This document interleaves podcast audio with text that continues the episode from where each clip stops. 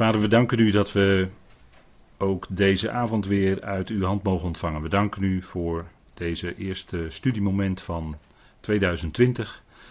Vader, we danken u dat we ook weer in de gelegenheid zijn om dat woord van u te openen met elkaar. We danken u dat u dat woord ook doet voortgaan, wereldwijd, maar ook in ons land. Vader, we danken u voor kansen die er zijn en dank u wel dat we ook dat ons gebed is dat het woord van u snelle voortgang mag hebben en dat het verheerlijk mag worden. We danken u dat wereldwijd de gemeente geroepen wordt.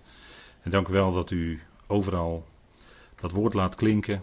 En ook dat wijderen van uw verzoening, Vader, die de hele wereld aangaat.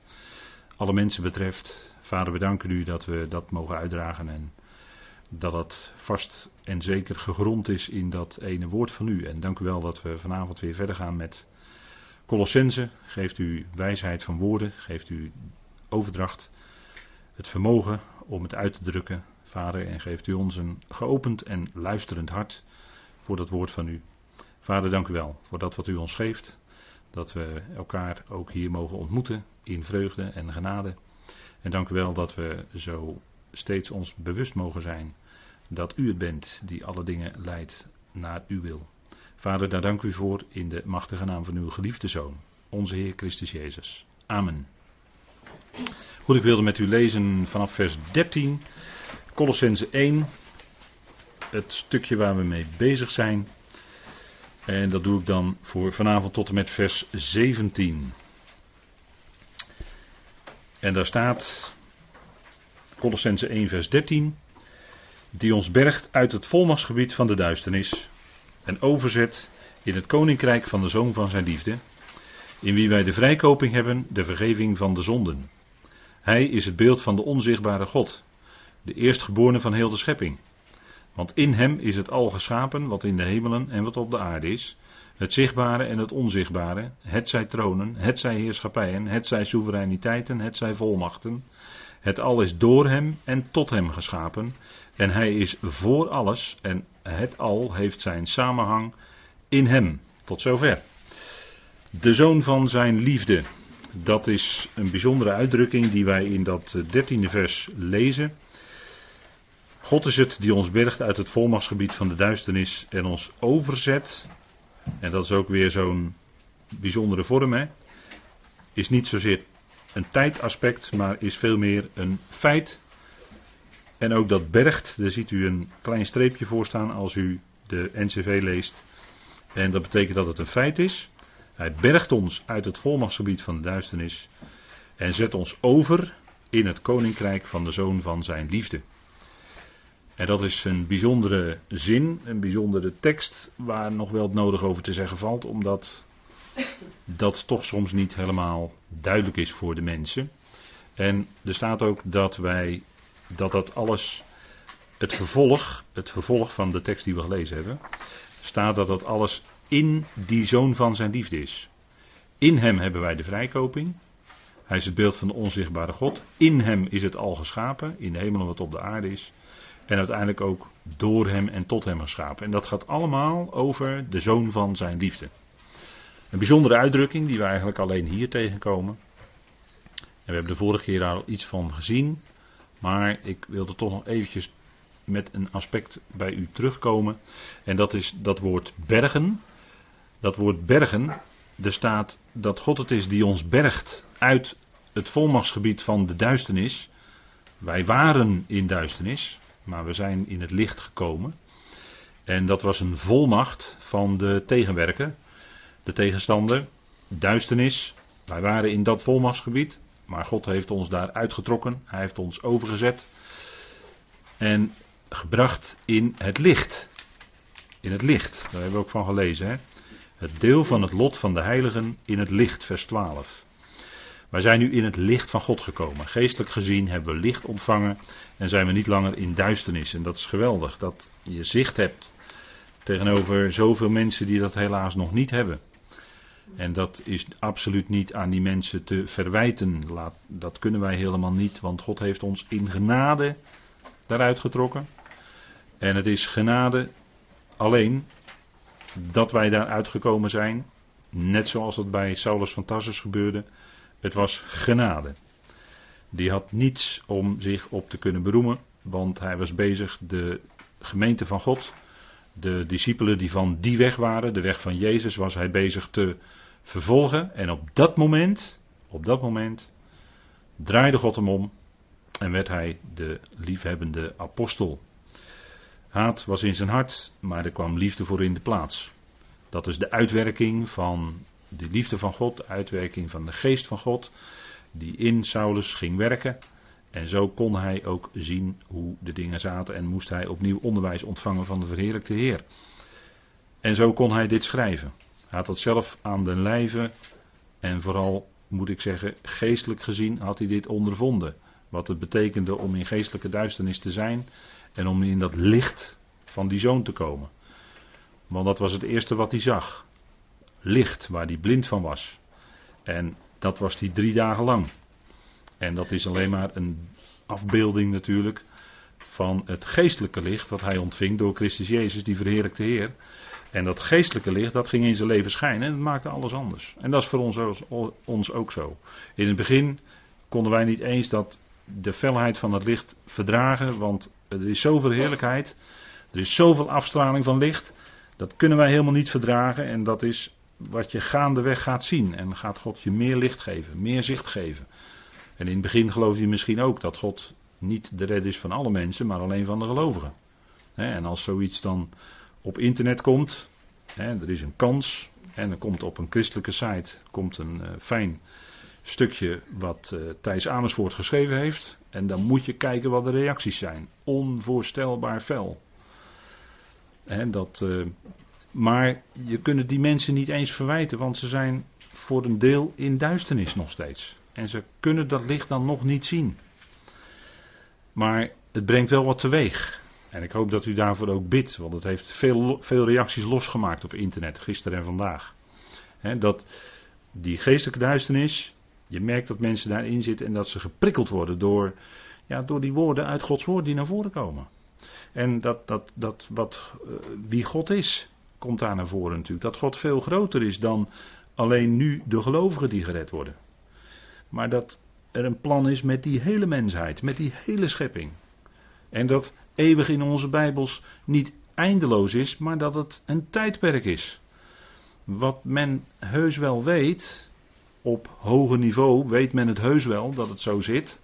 Alleen het wordt helaas vaak niet gepredikt. Ook niet door degenen die het wel weten. Helaas, moet ik dat zeggen.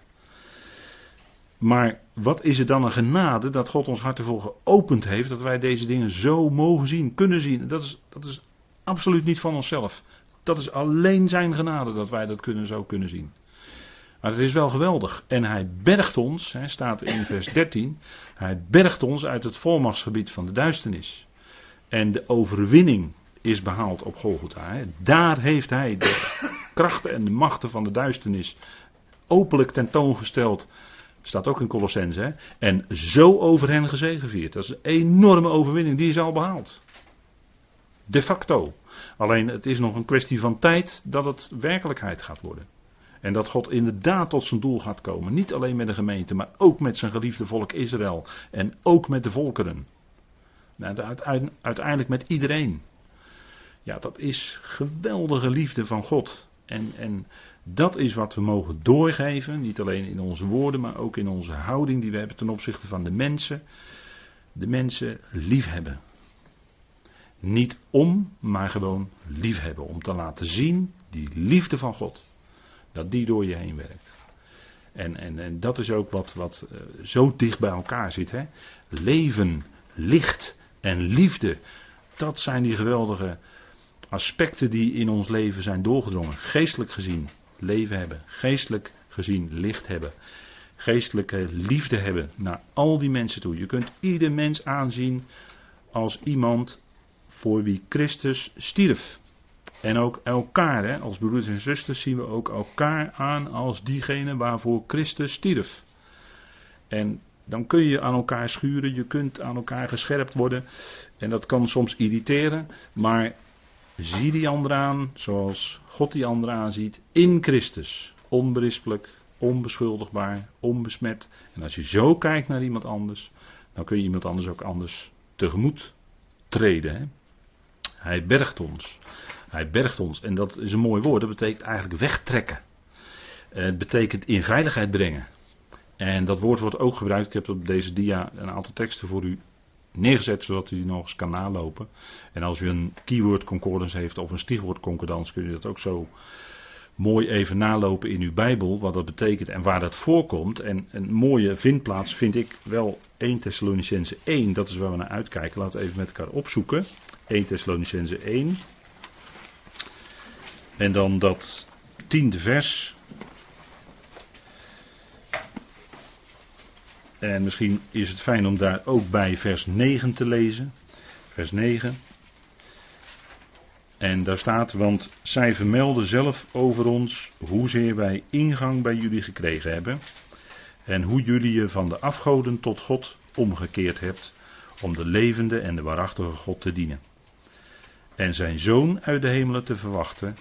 Die hij uit de doden opwekt. Of heeft opgewekt. Jezus die ons verlost van de komende toren. En dat is het geheim van het evangelie. Hè? Het richt je op God.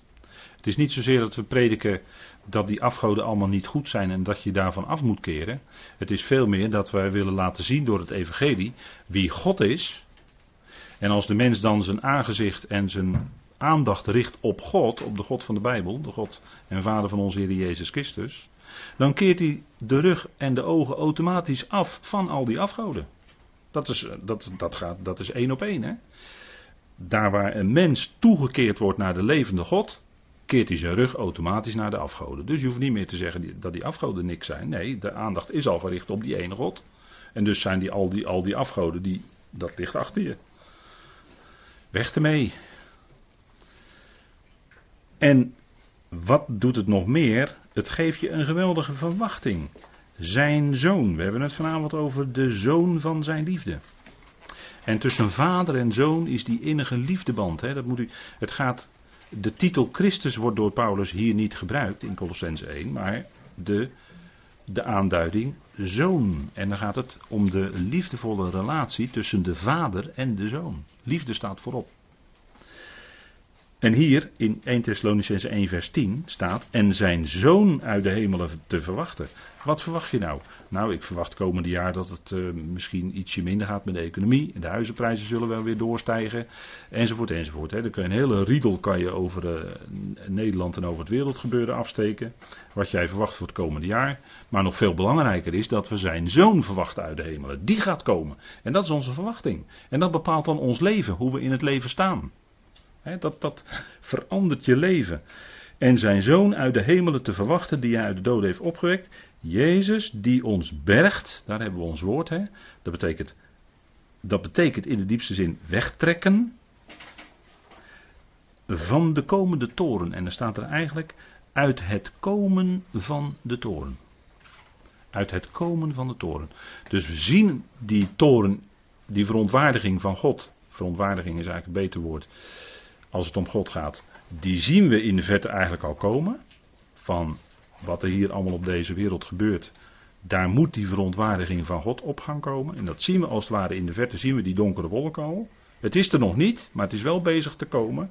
En, als, en omdat dat al bezig is te komen, komt Hij precies op tijd om ons te bergen, in veiligheid te brengen, om ons weg te trekken van deze aarde naar Hemzelf, wij zijn daarin volledig passief. Het is een genademoment.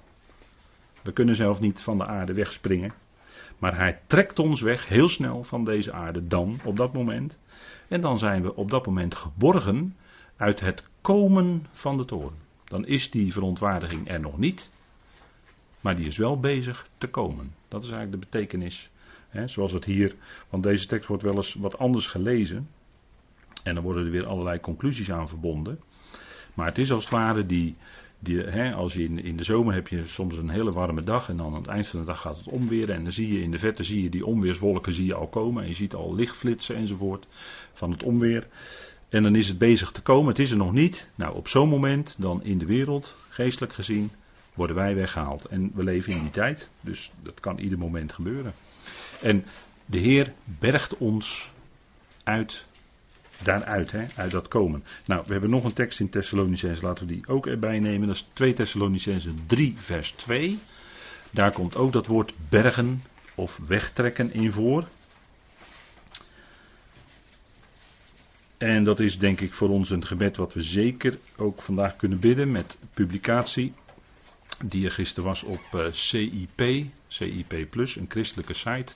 En daar heeft op uitnodiging van de webmaster van die site, laat ik het zo maar zeggen, heeft Thijs Amersfoort een stuk mogen publiceren over dat hij niet gelooft dat mensen voor eeuwig verloren gaan. En dat heeft heel veel reacties losgemaakt, hele felle reacties, hele dreigende, nou ja, dreigend bijna wel.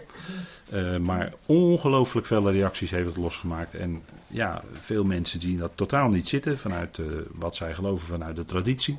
En er zijn ook anderen die wel daar sympathiek tegenover staan. Dus je hebt een heel scala aan.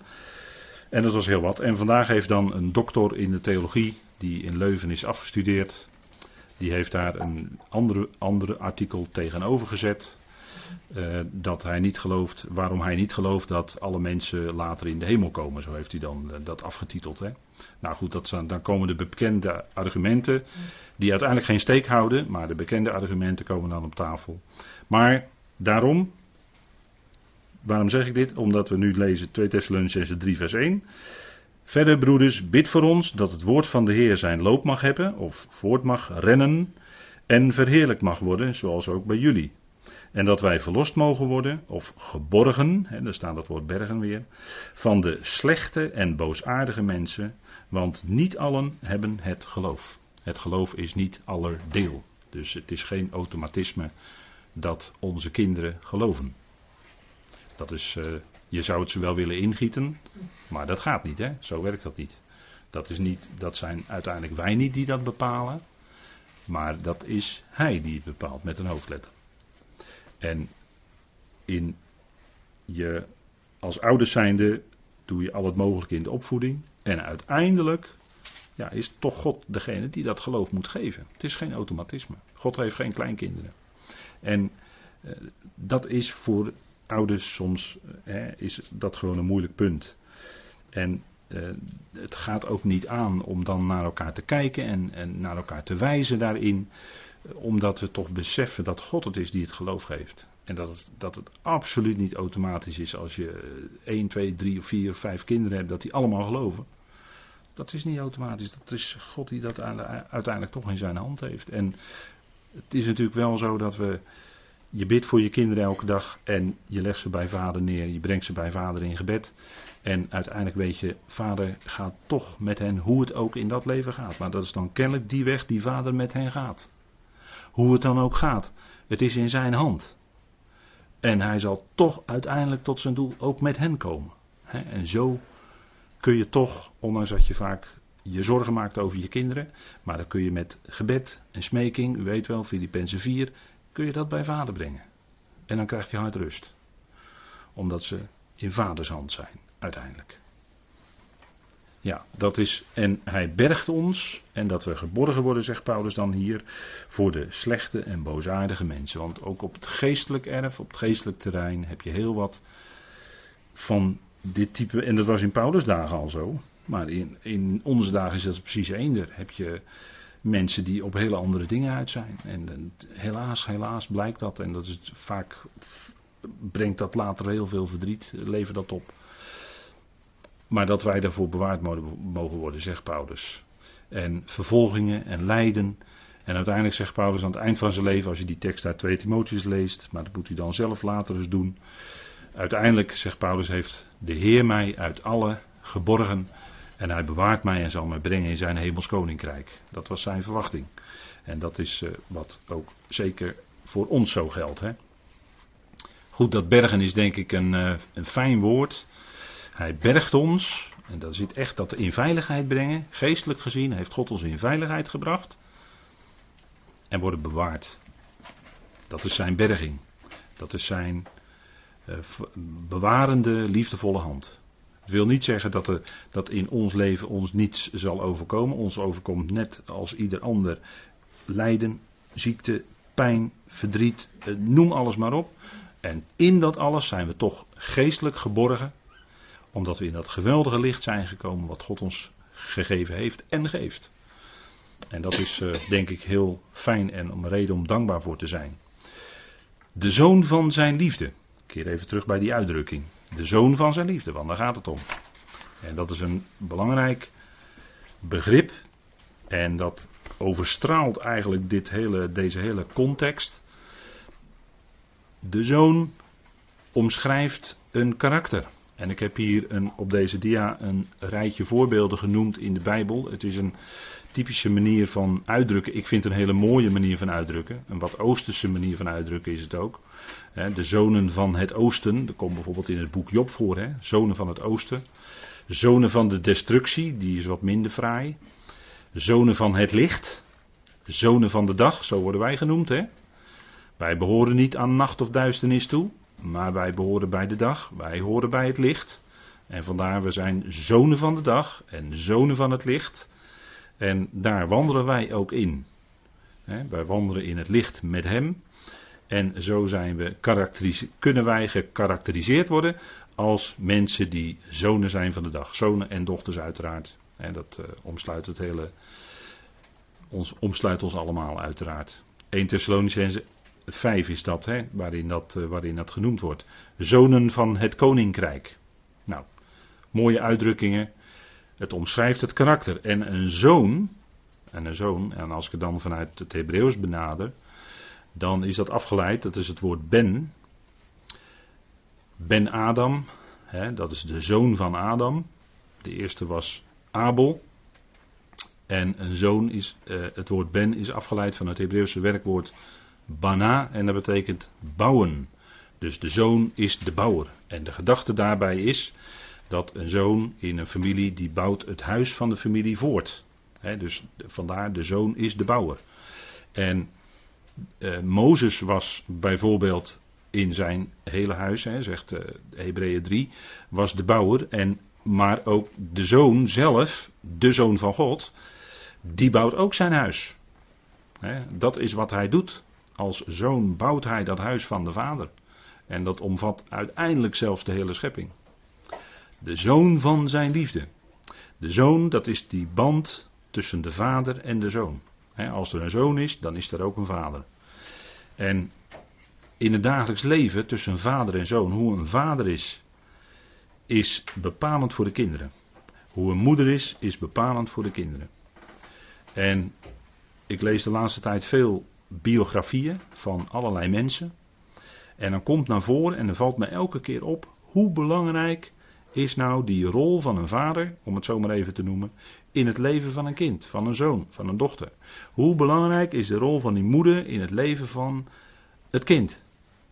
Dat stempelt het hele leven. En als daar in, in de jongere jaren iets gebeurt, uh, de, de ouders gaan uit elkaar, verschrikkelijk, verdriet, scheiding. Dat stempelt het leven van die kinderen. Echt het hele leven werkt dat door. Zo'n breuk. Dat is heel akelig. Maar wat is het ongelooflijk belangrijk. Als, als hè, dat, dat een vader er is. En de kinderen kijken naar hoe vader en moeder zijn. En als de vader er niet is, dan heeft dat ook zo zijn gevolgen voor, voor kinderen. En, en dat, dat uitzicht dan in, in, in het leven van het kind, dat, dat, dat, dat van alle, alle kanten, alle richtingen op gaat en zwaait en noem maar op. Of dat dat kind zich uit in, in een of andere kunstvorm op een bepaalde manier. Maar het stempelt het hele leven. Hoe belangrijk is dat, hè? Vaders, moeders ten opzichte van kinderen. En, en uh, dat, dat is, ja, dat is, dat, elke keer treft je dat. en, en onlangs uh, las ik nog een, een heel verhaal. Uh, dat, dat was ook een, eigenlijk een biografie, daar kwam het wel op neer. En dat was dan bij Joodse mensen in de Tweede Wereldoorlog verschrikkelijk. De Holocaust, onvoorstelbaar, onvoorstelbaar wat een uitwerking dat heeft. Niet alleen op de, degene die op een gegeven moment kamp of kampen overleefd hebben, maar het stempelt ook het leven van die kinderen daarna. Dat heeft een ongelooflijke uitwerking. En elke keer ben je weer verbijsterd als je al die dingen leest. dat, is, dat is onvoorstelbaar. wat, wat, wat dan aan, aan, aan serie traumatische ervaringen Joodse mensen hebben gehad. Maar dat het ook vervolgens in de kinderen doorwerkt. Op een enorme manier. En veel meer dan je denkt. En dat, dat, ja, dat zou ons gebed nog meer intensiveren, denk ik. Voor het, voor het Joodse volk. Voor, voor dat volk van God. Het volk wat God lief heeft. En wat, wat, eh, wat ook in, in, de, in theologisch denken in de afgelopen eeuwen, in de afgelopen 2000 jaar, een volkomen verkeerde theologie. Wat voor enorme schadelijke effecten dat heeft gehad op het Joodse volk. En wat enorm lijden dat heeft betekend. Onvoorstelbaar. En, en dat, is wat, uh, ja, dat is wat ons nog extra, denk ik, aanzet om te bidden voor, voor dat Joodse volk. Voor, voor dat hele volk wat, wat nu weer, hè, toenemend antisemitisme en noem maar op. U kent de berichten wel. En dat is akelig, heel akelig als je het leest. En, en wat, een, wat een weg moeten ze nog gaan. Hè? Maar God zal met hen tot zijn doel komen. En zij zullen, en daar komen we met het begrip zoon. En zij zullen zonen van de Allerhoogste God zijn in het komende koninkrijk. Daar zullen zij aan de spits van de volkeren staan. Israël. Israël zal het koninklijk priesterschap zijn zoals vader dat ooit bedoeld heeft. En ze zullen daar zijn in het komende duizend jaar. En ook daarna. Zullen zij aan de spits van die volkeren staan dat, is, eh, dat is wat Gods woord klip en klaar zegt. En dan denk ik van hoe is het mogelijk dat dat zo in de theologie ondergesneeuwd is geraakt en, en anders is uitgelegd. Ja, natuurlijk de tegenwerker, ja, ja. Die heeft daar natuurlijk de hand in gehad. Maar wat, wat is het geweldig, die belofte die God aan zijn volk juist heeft gegeven. Hè? Zij zullen ook weer die, dat zoonschap zullen zij daadwerkelijk uitoefenen hè, in die tijd. En wij mogen dat ons nu ook bewust zijn dat ook ons het zoonschap is gegeven als een genadegeschenk. He, dat is niet iets wat je, je, wat je kan verdienen of wat je. Kom nou toch. Nee, maar dat is een genadegeschenk, dat zoonschap. Daar zijn we voor geroepen en wij boven te midden van de hemelingen. Zo, dat is Gods plan. En dat, dat blijven we herhalen opdat het bij u beklijft en dat u het weet. en, en dat is, we zijn zonen van Hem. Niet alleen kinderen, maar zelfs zonen. En dat is een, dat is een enorme status, hè? dat mogen we ons bewust zijn. En ook dan daaruit bewust leven. En we kunnen niets terugdoen, ten diepste. wat we uitleven is datgene wat, wat Vader ons geeft. We hebben die geest ontvangen. En, en daarop leven wij, op dat, dat bewuste wat we, wat we hebben ontvangen. Die rijkdom die we hebben ontvangen. Besef dat. Hè? Dat is geweldig. En hoe meer je dat gaat beseffen, hoe meer je er ook uit gaat leven. Hoe meer je bewust bent, ik ben een zoon van hem. Dat is een enorme status. Dan ga je ook die karaktertrekken van vader vertonen. Hè? Want een zoon karakteriseert de vader. Als je een zoon ziet, en soms is dat verpand ook in het dagelijks leven. Dan zie je een zoon of een dochter uit een gezin en dan zie je zo de kenmerken van de ouders terug. Dat is altijd heel aardig om dat eh, op te merken. Nou, zo is het ook bij de zoon hè, met een hoofdletter en de vader met een hoofdletter. In de zoon zie je wie vader is. Wie mij gezien heeft, heeft de vader gezien. Wie mij ziet, ziet de vader. En in hem, in die zoon, zien we die liefde van de vader. Zien we die bewogenheid van de vader. Zien we die ontferming van de vader. Zien we die barmhartigheid van de vader. Dat zien we ze allemaal in de zoon terug. Kijk naar hoe de zoon omging met mensen. Hè. Dat is heel boeiend om de evangelie daarop te lezen. Hoe ging Jezus om met mensen? Nou, daarin zie je hoe vader is. Ik heb het al vaker gezegd. Jezus veroordeelde nooit iemand. Hij was wel scherp als het ging om theologische geschillen, laat ik het zo maar zeggen, met de schriftgeleerden en fariseeën. Was die vlijm en vlijmscherp, want dan ging het om het woord. Maar als het ging om de mens, hij veroordeelde ze niet. Dat kwam niet over zijn lippen. En hij wist wat in de mensen was. En daarom kon hij zich niet altijd aan mensen toevertrouwen. Maar hij ging wel altijd vanuit die geweldige liefde van de Vader, ging hij met de mensen om. Dat is heel bijzonder, hè? En uh, ik vind het een prachtig voorbeeld, ik heb het wel vaker aangehaald, maar nogmaals, ik vind het een prachtig voorbeeld, hè? Zacchaeus. Ik moet vandaag bij jou in jouw huis zijn. Jij bent een zoon van Abraham. De verachte tollenaar. Die kleine die in de boom was gesprongen. En die zich maar liever verstopte. Zacchaeus, bij jou moet ik in huis zijn vandaag. Dat was liefde. Dat hij juist bij die Zacchaeus daar wilde zijn. Die door de andere, anderen lieten hem links liggen. Maar de Heer zocht hem op. En, en op die dingen moet je letten hè, als je dan die evangelie leest. Hè, hoe hij omgaat met mensen. Dat is leerzaam. Hè, van, van, ja, hoe zit het dan bij mij? Hoe ben ik dan ten opzichte van die ander die ik ontmoet in mijn dagelijks leven in de gemeente? Het is zo makkelijk om iemand eh, maar links te laten liggen. Maar zoeken we elkaar op. Dan kun je fijne ontmoetingen beleven. Als je gewoon onbevooroordeeld elkaar eens opzoekt en met elkaar eens een kop koffie drinkt en eens wat doorpraten, wat tijd neemt voor elkaar. Dat, ik denk dat dat goede momenten kunnen zijn. Omschrijving van het karakter. We zijn zonen. We zijn zonen. En dat is wat ook klonk hè, toen de Heer gedoopt werd, onder andere in uh, de Jordaan. En toen hij verheerlijkt werd op de verheerlijking op de berg, weet u wel. Dat was waarschijnlijk, u ziet daar de foto hier, was waarschijnlijk de berg Tabor, hè, de berg van de verheerlijking. En wat klonk toen op die berg van de verheerlijking? Deze is mijn zoon, de geliefde. In hem heb ik mijn welbehagen. U weet wel, Eudokia. In hem heb ik mijn welbehagen uiteindelijk die, die liefdevolle aandacht, alles, al die betrokkenheid tussen de vader en de zoon, dat klinkt daar dan. Dat klonk ook bij zijn doop. Hoort naar hem. Deze is mijn geliefde zoon, hoort naar hem. Daarin zie je de liefde van de vader en de zoon. En wat moet er dan voor de vader en de zoon betekend hebben? Golgotha, wat moet dat betekend hebben? Dat was niet alleen lijden voor de zoon, maar het was ook lijden voor de vader. En als het gaat om dat, dat mensen lijden, en in het bijzonder het Joodse volk, dan leidt vader mee hoor. Als het Joodse volk leidt, leidt vader mee. dat is het lijden van God. Dat kunnen we ons niet voorstellen, maar dat is wel zo. Het zijn zijn geliefde volks. Het is van zijn geliefde volk. En als gemeenteleden lijden, dan leidt vader mee. Dat gaat niet buiten hem om. Daar is hij bij betrokken, bij u en bij jou en bij mijn leven.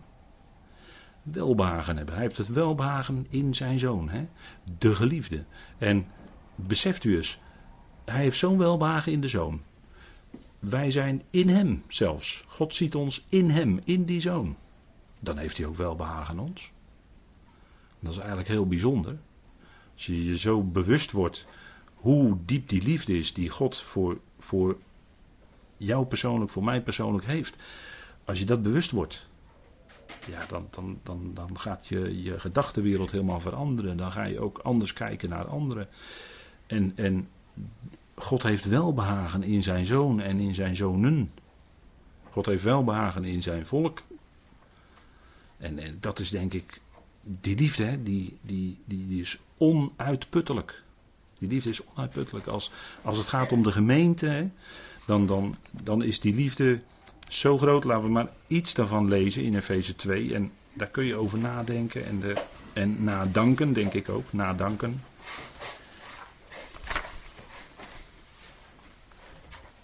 Efeze 2, vers 4. He, dan gaat het daarvoor over die situatie toen we in duisternis waren, vers 1 tot en met 3. En in vers 4 dan komt dat volle licht. God echter, die rijk is aan barmhartigheid. Dus niet alleen een barmhartige God, nee, hij is rijk aan barmhartigheid. Vanwege zijn onmetelijke liefde waarmee hij ons lief heeft.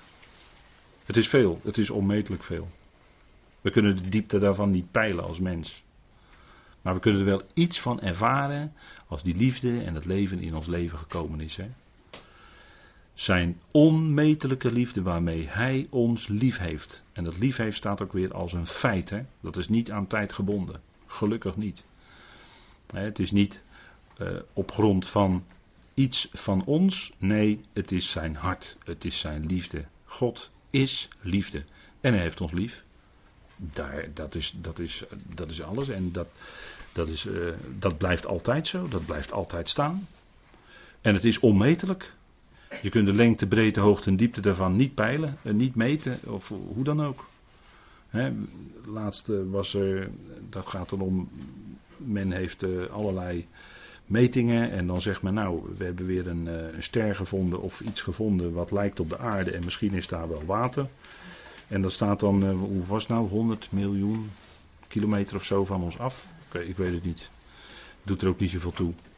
Maar die afstanden, ik weet ook niet of die afstanden kloppen, want ik weet niet, nou goed, dan wordt het een technisch verhaal, dat ga ik u onthouden, maar zo groot, hè? dat is even, als we universum, dat men zegt dat het heel erg groot is. Ik, ik weet het niet, ik heb soms wel eens mijn twijfels dat het misschien toch wat minder groot is dan men zegt, maar goed, het is zo groot, maar in dat hele universum, overal is de liefde van God.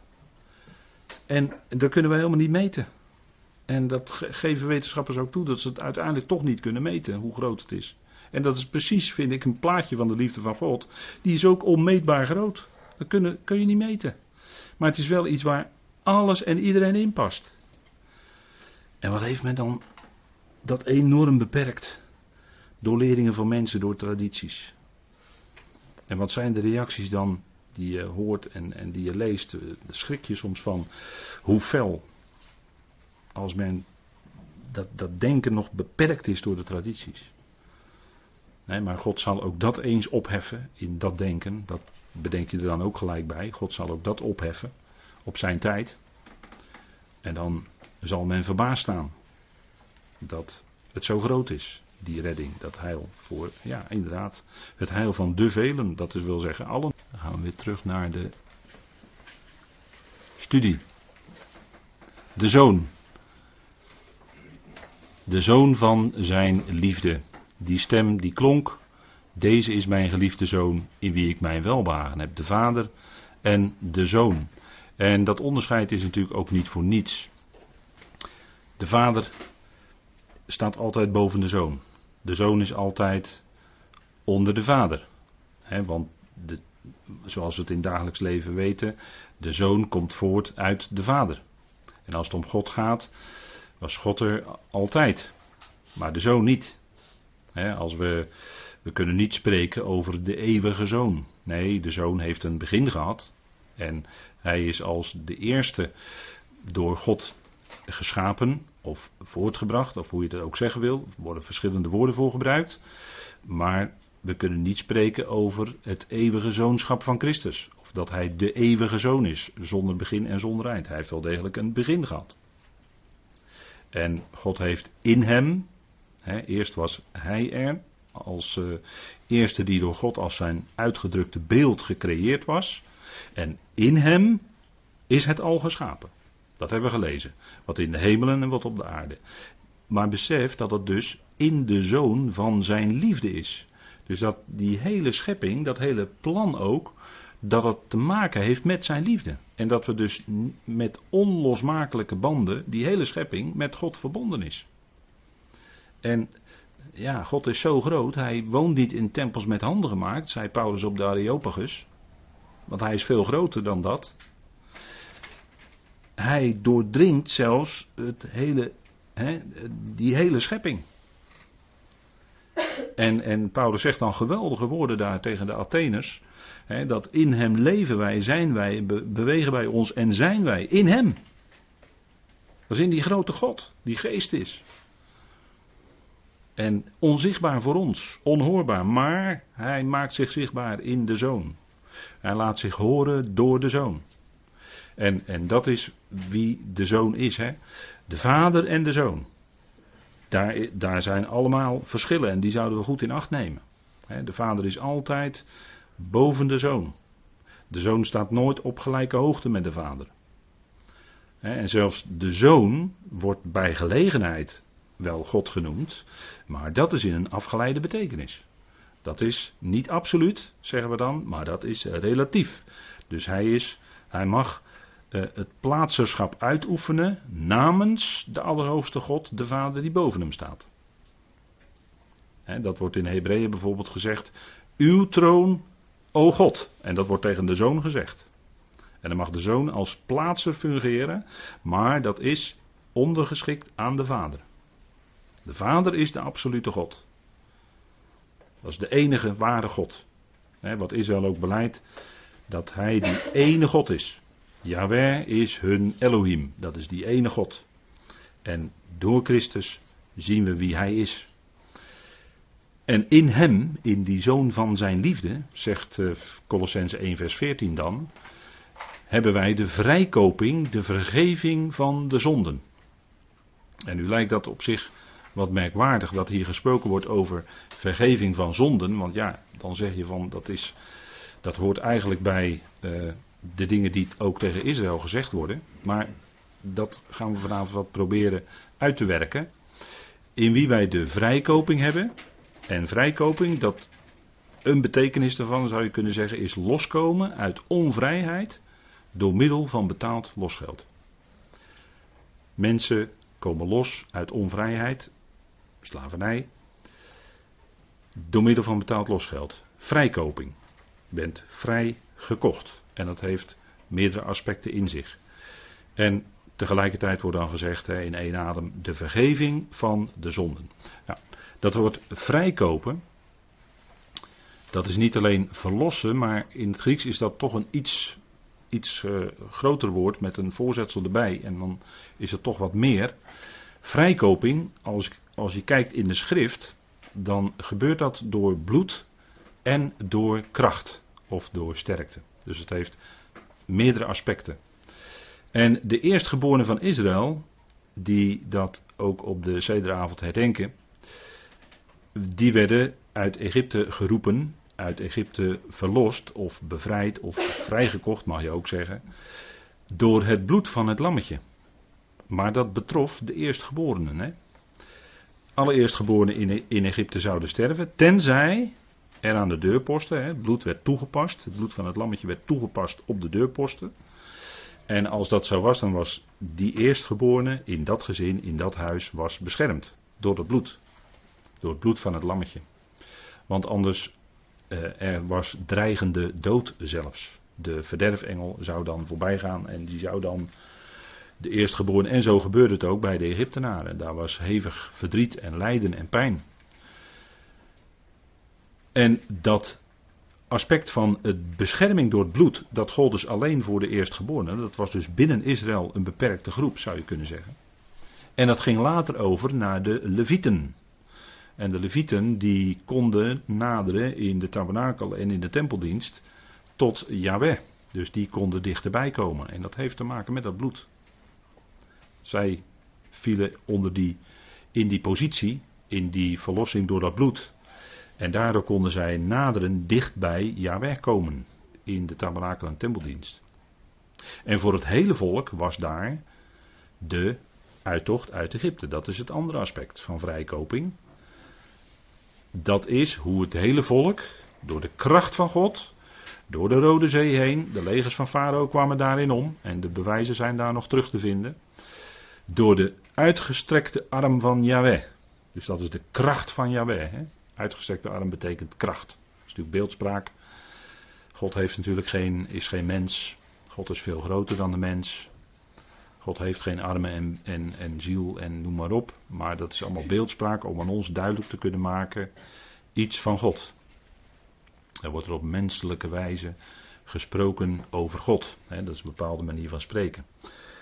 Nou, vrijkoping gebeurde toen door kracht. Hè. Die legers van de farao die kwamen om in dat water en het volk Israël werd door die machtige arm van Yahweh bevrijd, verlost. Wat vandaag de dag, hè, elk jaar nog steeds, door Israël gevierd wordt. Dat is geweldig gebeuren. Hè. Dan vraagt het jongetje aan tafel hè, wat het betekent. En dan gaat de vader gaat dat uitleggen. Prachtig gebeuren. En dat prijst de grote macht en kracht van Yahweh. En dat was we hebben dat ook in het kader van Gods eh, wil en Gods bedoeling hebben dat gezien. Dat werkte met de farao. Dat God zijn bedoeling bereikt werd. Want zijn naam werd verheerlijkt en doorverkondigd over de hele aarde. Dat was Gods bedoeling. En daarom moest farao tegen Gods wil ingaan. En dat is een principe wat je op een heleboel manieren kan toepassen. Op gebeurtenissen, op dingen die gebeuren met volkeren, dingen die gebeuren met Israël. Je kan het op talloze wijzen kun je dat, uh, kan je dat uitwerken. Hè? Gods wil en Gods bedoeling. Dat is toch iets bijzonders dat we dat hebben kunnen leren zien, hè, hoe dat werkt. Maar God zal altijd zijn bedoeling kunnen doorzetten, hoewel men of mensen of zelfs geestelijke machten tegen zijn geopenbaarde wil ingaan. Maar Gods bedoeling wordt bereikt. En zijn naam wordt verheerlijkt. Altijd. Door zulke processen. God heeft zowel de kant van, natuurlijk de kant van het licht, maar God heeft ook van die, die kant van de duisternis volledig in zijn hand. Die kan ook niet meer of verder gaan dan wat God, ja, die heeft daar begrenzing aan gesteld. Ehm, en dat veroorzaakt heel veel lijden, maar ook aan het lijden is een beperking gesteld. Wij leven zoveel jaren. En dan komt de dood. En natuurlijk, de dood is een vijand. Zeker, en dat blijft het. Maar aan de andere kant is ook de dood die lijn, die grens die God getrokken heeft, als beëindiging van het lijden. En daarna komt de heerlijkheid. En die is wel oneindig. En die is groot. En dan is er ook het terugzien van elkaar. We moeten helaas afscheid nemen, regelmatig. Van broeders en zusters, helaas. Maar wel met het oog en de verwachting. En we lezen dat ook op het graf, 1 Thessalonicense 4. Met de verwachting van de opstanding. Die dode akker, dat zal geen dode akker blijven. En, en natuurlijk weten we technisch wat er gebeurt. En tegenwoordig heb je ook uh, begraafplaatsen, dat noemen we dan natuurbegraafplaatsen. En als je daar begraven wordt, dan blijf je daar ook. Hè. Dan word je later niet meer weggehaald. Of althans je restanten. Maar goed, God weet ieder terug te vinden, hoe dan ook. En er zal dat moment komen van opstanding. Het eerste is bij de bazuin en daar zitten we zo dichtbij. Dat is nog een kwestie van hoe lang zal het zijn, weten we niet. We wachten af, maar we kijken uit met verwachting naar zijn zoon die uit de hemelen zal komen. Dat is onze verwachting en dat is onze hoop en dat is onze troost. Dat die opstanding er zal komen, die geweldige verandering die God zal teweegbrengen. Dat is je troost. Dat die verandering gaat komen. Dat is wat het zo anders maakt voor ons. We hebben net als andere mensen verdriet als we afscheid moeten nemen van. Maar het maakt het voor ons zo anders dat we die verwachting hebben. Dat wij, de, dat wij onze geliefde weer zullen terugzien. En ik, ik persoonlijk, ik word er wel eens eh, wat eh, mensen stellen daar wel eens wat kritische vragen bij. Maar voor mij persoonlijk geloof ik dat we elkaar dan ook weer zullen kunnen herkennen. Dat geloof ik zeker. Maar ik heb daar geen bewijstekst voor. Maar dat is dat weerzien wat er dan zal zijn en wat een vreugde zal dat zijn. Vooral als we de Heer mogen ontmoeten in de lucht. Dat is zoiets geweldigs. Dat moet zoiets geweldigs zijn. De Heer kijkt er naar uit. Hij kijkt er naar uit natuurlijk om met dat hele lichaam te verenigd te zijn. Daar kijkt hij naar uit. Wij kijken er naar uit. dat is een geweldig toekomstmoment. En dat is ook een, een facet. Het gaat over vrijkoping. Dat is de dag van onze vrijkoping. En tot in die dag van de bazuin zijn we ook verzegeld met de geest van de belofte. God heeft zijn zegel op ons gedrukt. En dat zegel kunnen we niet ongedaan maken. Dat is onmogelijk. Niemand is daartoe in staat. God heeft ons verzegeld tot dat moment. Hè? Dat is het geweldige wat in Efeze klinkt. We zijn verzegeld naar binnen de dag van de vrijkoping. En met het oog daarop zegt Paulus dan, laten we even met elkaar lezen. Efeze 4,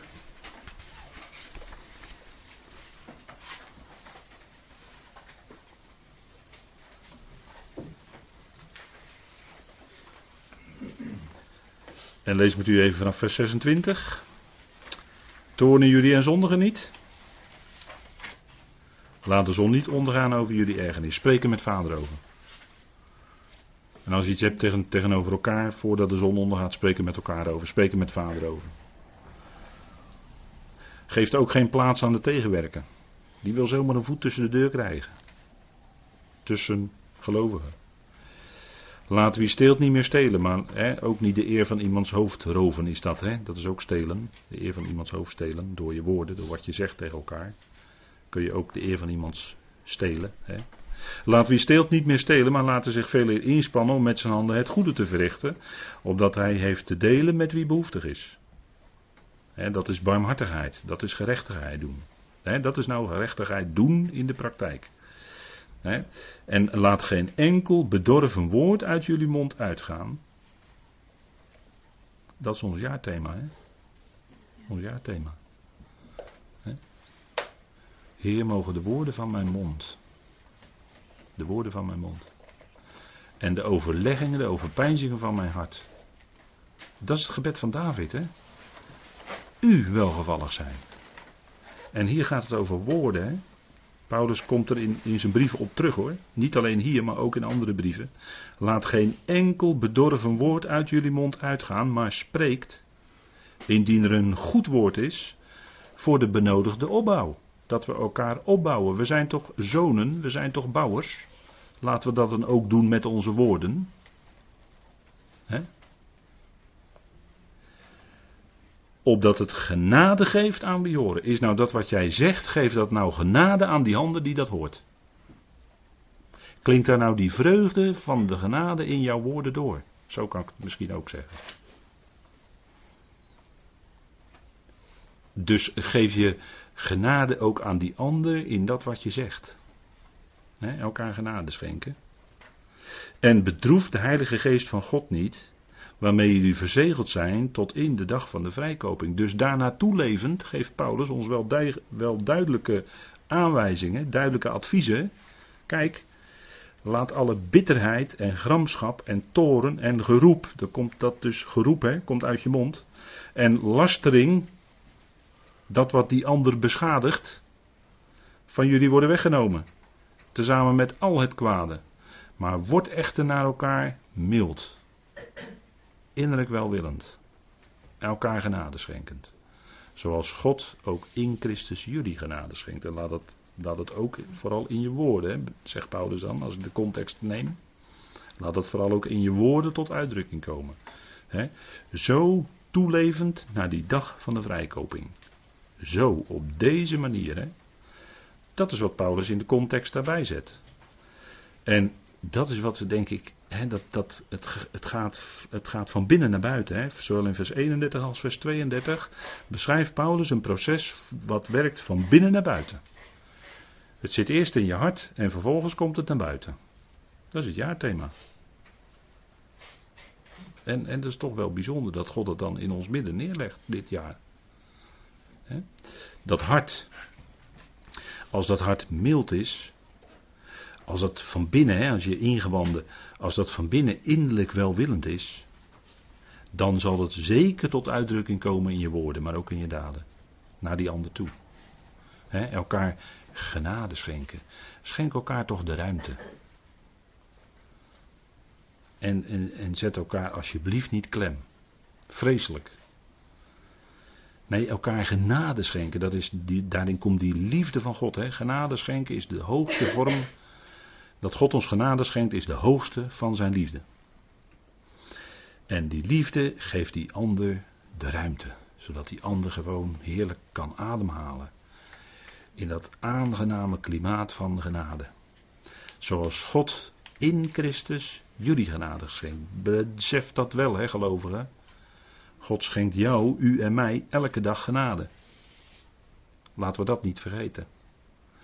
En, en laat dat dan in je hart diep verankerd zijn, zodat het ook je woorden en je daden beweegt, hè, dat het daarin tot uitdrukking komt. Hè, dat, dat trof mij dat een keer hoorde ik iemand dat over een, ander, iemand, over een andere broeder of zuster, maakt niet uit, zeggen dat dat iemand is die eerst nadenkt voordat hij iets zegt dat is ons niet, ik heb toen in die spreekbeurt gezegd dat het ons niet aangeboren is. Nee, dat is ons, want wij, wij vinden, nou ik heb het hart op de tong en dat vinden we dan nog een verdienst ook. Maar wat er dan op die tong soms uitkomt, oei oei oei, denk ik wel eens. Want woorden kunnen zo lang beklijven en kunnen, kunnen een schade aanrichten die jaren en jaren en jaren en jaren doorwerkt. Woorden die gesproken zijn. En het is niet voor niks, denk ik, dat Paulus er elke keer in zijn brieven op terugkomt. Dat wat je zegt. Mag dat dan hè, ingebed zijn en mag, dat, mag daardoorheen werken en vloeien die genade van God. zo, hè, zo toeleven naar die dag van de vrijkoping. Die dag van de vrijkoping is geweldig en daar leven we naartoe. Maar laten we dat dan zo op deze wijze. Dat is, dat is het advies wat Paulus ons geeft. Die dag van de vrijkoping. Nou, de vrijkoping. Voorbeeld van Israël hebben we gezien in het verleden. Voorbeeld van Israël in het verleden is ook het boek Handelingen. Daar zie je ook dat daar bij Israël, vanuit Israël, was daar een gemeente van eerstgeborenen. Dat waren de uitgeroepenen uit Israël. En die stonden in de lijn naar dat aardse koninkrijk toe. Dat zou gaan komen. En daar waren ook allerlei krachten en tekenen en wonderen werden gedaan. Waaruit bleek, eerst door de Heer en later door de apostelen van de besnijdenis, dat dat koninkrijk zou komen. Er werden krachten, tekenen, wonderen gedaan. Dus dat koninkrijk zou op een gegeven moment dan met geweld baanbreken. Dat was de verwachting, maar dat gebeurde niet. Dat was ook zo'n periode van 40 jaar. Israël 40 jaar in de woestijn en boekhandelingen is ook zo'n periode van 40 jaar. En het koninkrijk was nabij, daar zouden ze door kracht en dat gold het hele volk. Maar er was ook binnen dat volk een uitroeping, een gemeente van eerstgeborenen. En dat had ook te maken met dat bloed. dat bloed, daar wordt over gesproken in de Hebreeënbrief. Dat zij verlost waren en dat zij onder dat bloed waren van het nieuwe verbond. En zo had je dus binnen Israël, ook in de tijd van handelingen, had je binnen Israël een uitgeroepen groep eerstgeborenen. Die ook op weg naar het koninkrijk waren. Maar zij stonden onder de bescherming van het bloed, zou je kunnen zeggen. Maar voor de rest van het volk, ja, die lijn die viel weg en dat koninkrijk brak toch niet aan. dus daarin heb je ook die twee facetten, die vrijkoping die zou plaatsvinden. Maar dat is allemaal niet doorgegaan. En dan als het om ons gaat, dan staat daar in Colossense 1, en dat is onze tekst, wij hebben de vrijkoping, en in Efeze wordt daaraan toegevoegd, door zijn bloed, maar dat staat dan niet in Colossense. Dat is dan een klein verschil. Maar die vrijkoping heeft voor ons natuurlijk wel degelijk te maken met zijn bloed. Bloed spreekt van zwakheid. Hè. In Romeinen 3 wordt het ook genoemd, hè, die vrijkoping. Paulus gebruikt dat woord een zeven keer. Wij hebben de vrijkoping, staat in Romeinen 3. En ik heb het op deze dia even uitgeschreven. Dat is Romeinen 3, vers 24 en 25. Om niet gerechtvaardigd in zijn genade. Door de vrijkoping in Christus Jezus. Hem heeft God voorgesteld als verzoendeksel. Als hilasterion staat er dan. Als deksel van bescherming. Door het geloof in zijn bloed. Dat is de vrijkoping zoals Paulus daar in Romeinen 3 over spreekt. En dan gaat het erom dat wij om niet gerechtvaardigd zijn. En dat heeft te maken natuurlijk met zijn geloof, met het geloof van Christus. Maar het heeft ook te maken met het feit dat hij zijn bloed heeft gegeven. Paulus verwijst hier naar de oud-testamentische de dienst in Tenach, zoals die was. En waarbij het bloed één keer per jaar op het verzoendeksel of deksel van bescherming werd gesprenkeld. En dan, dat gold dan weer voor één jaar.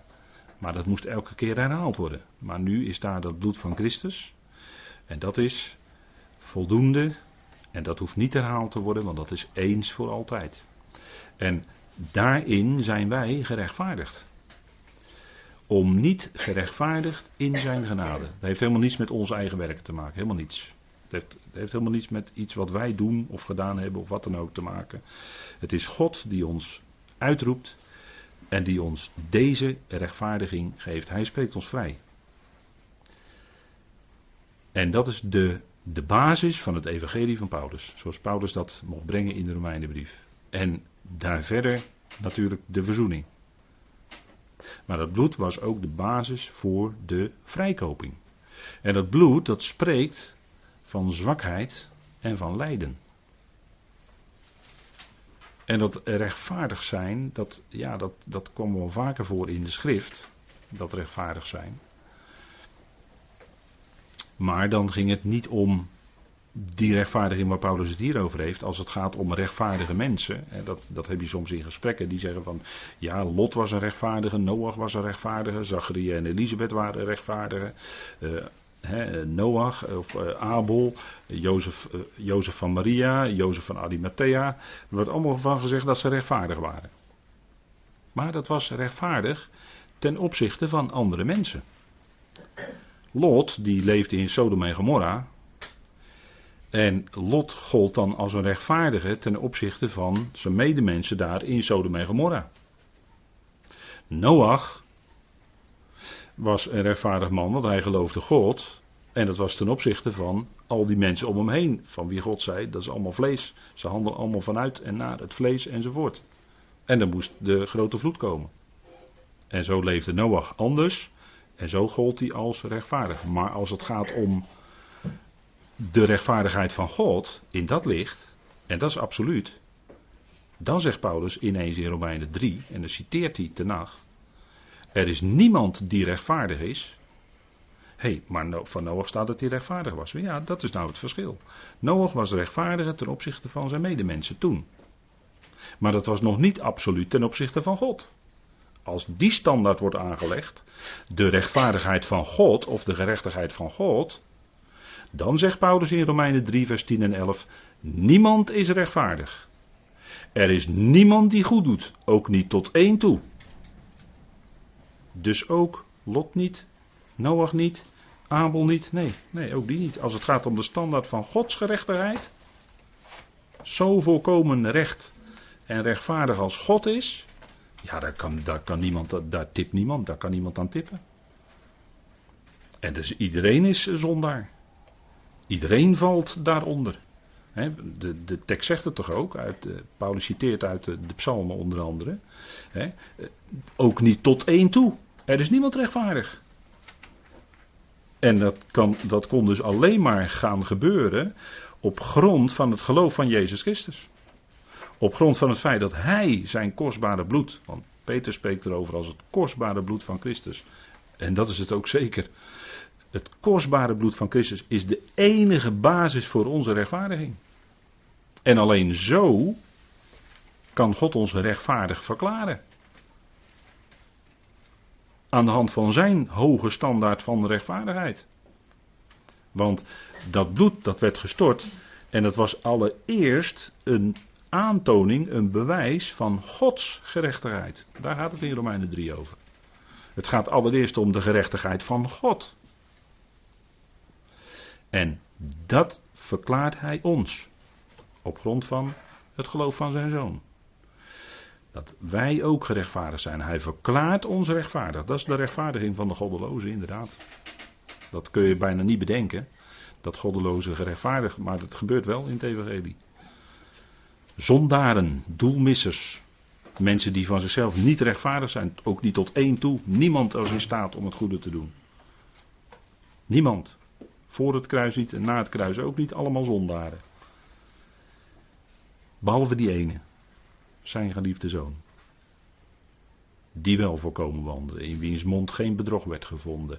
Die volkomen wandelde. Volkomen gaaf.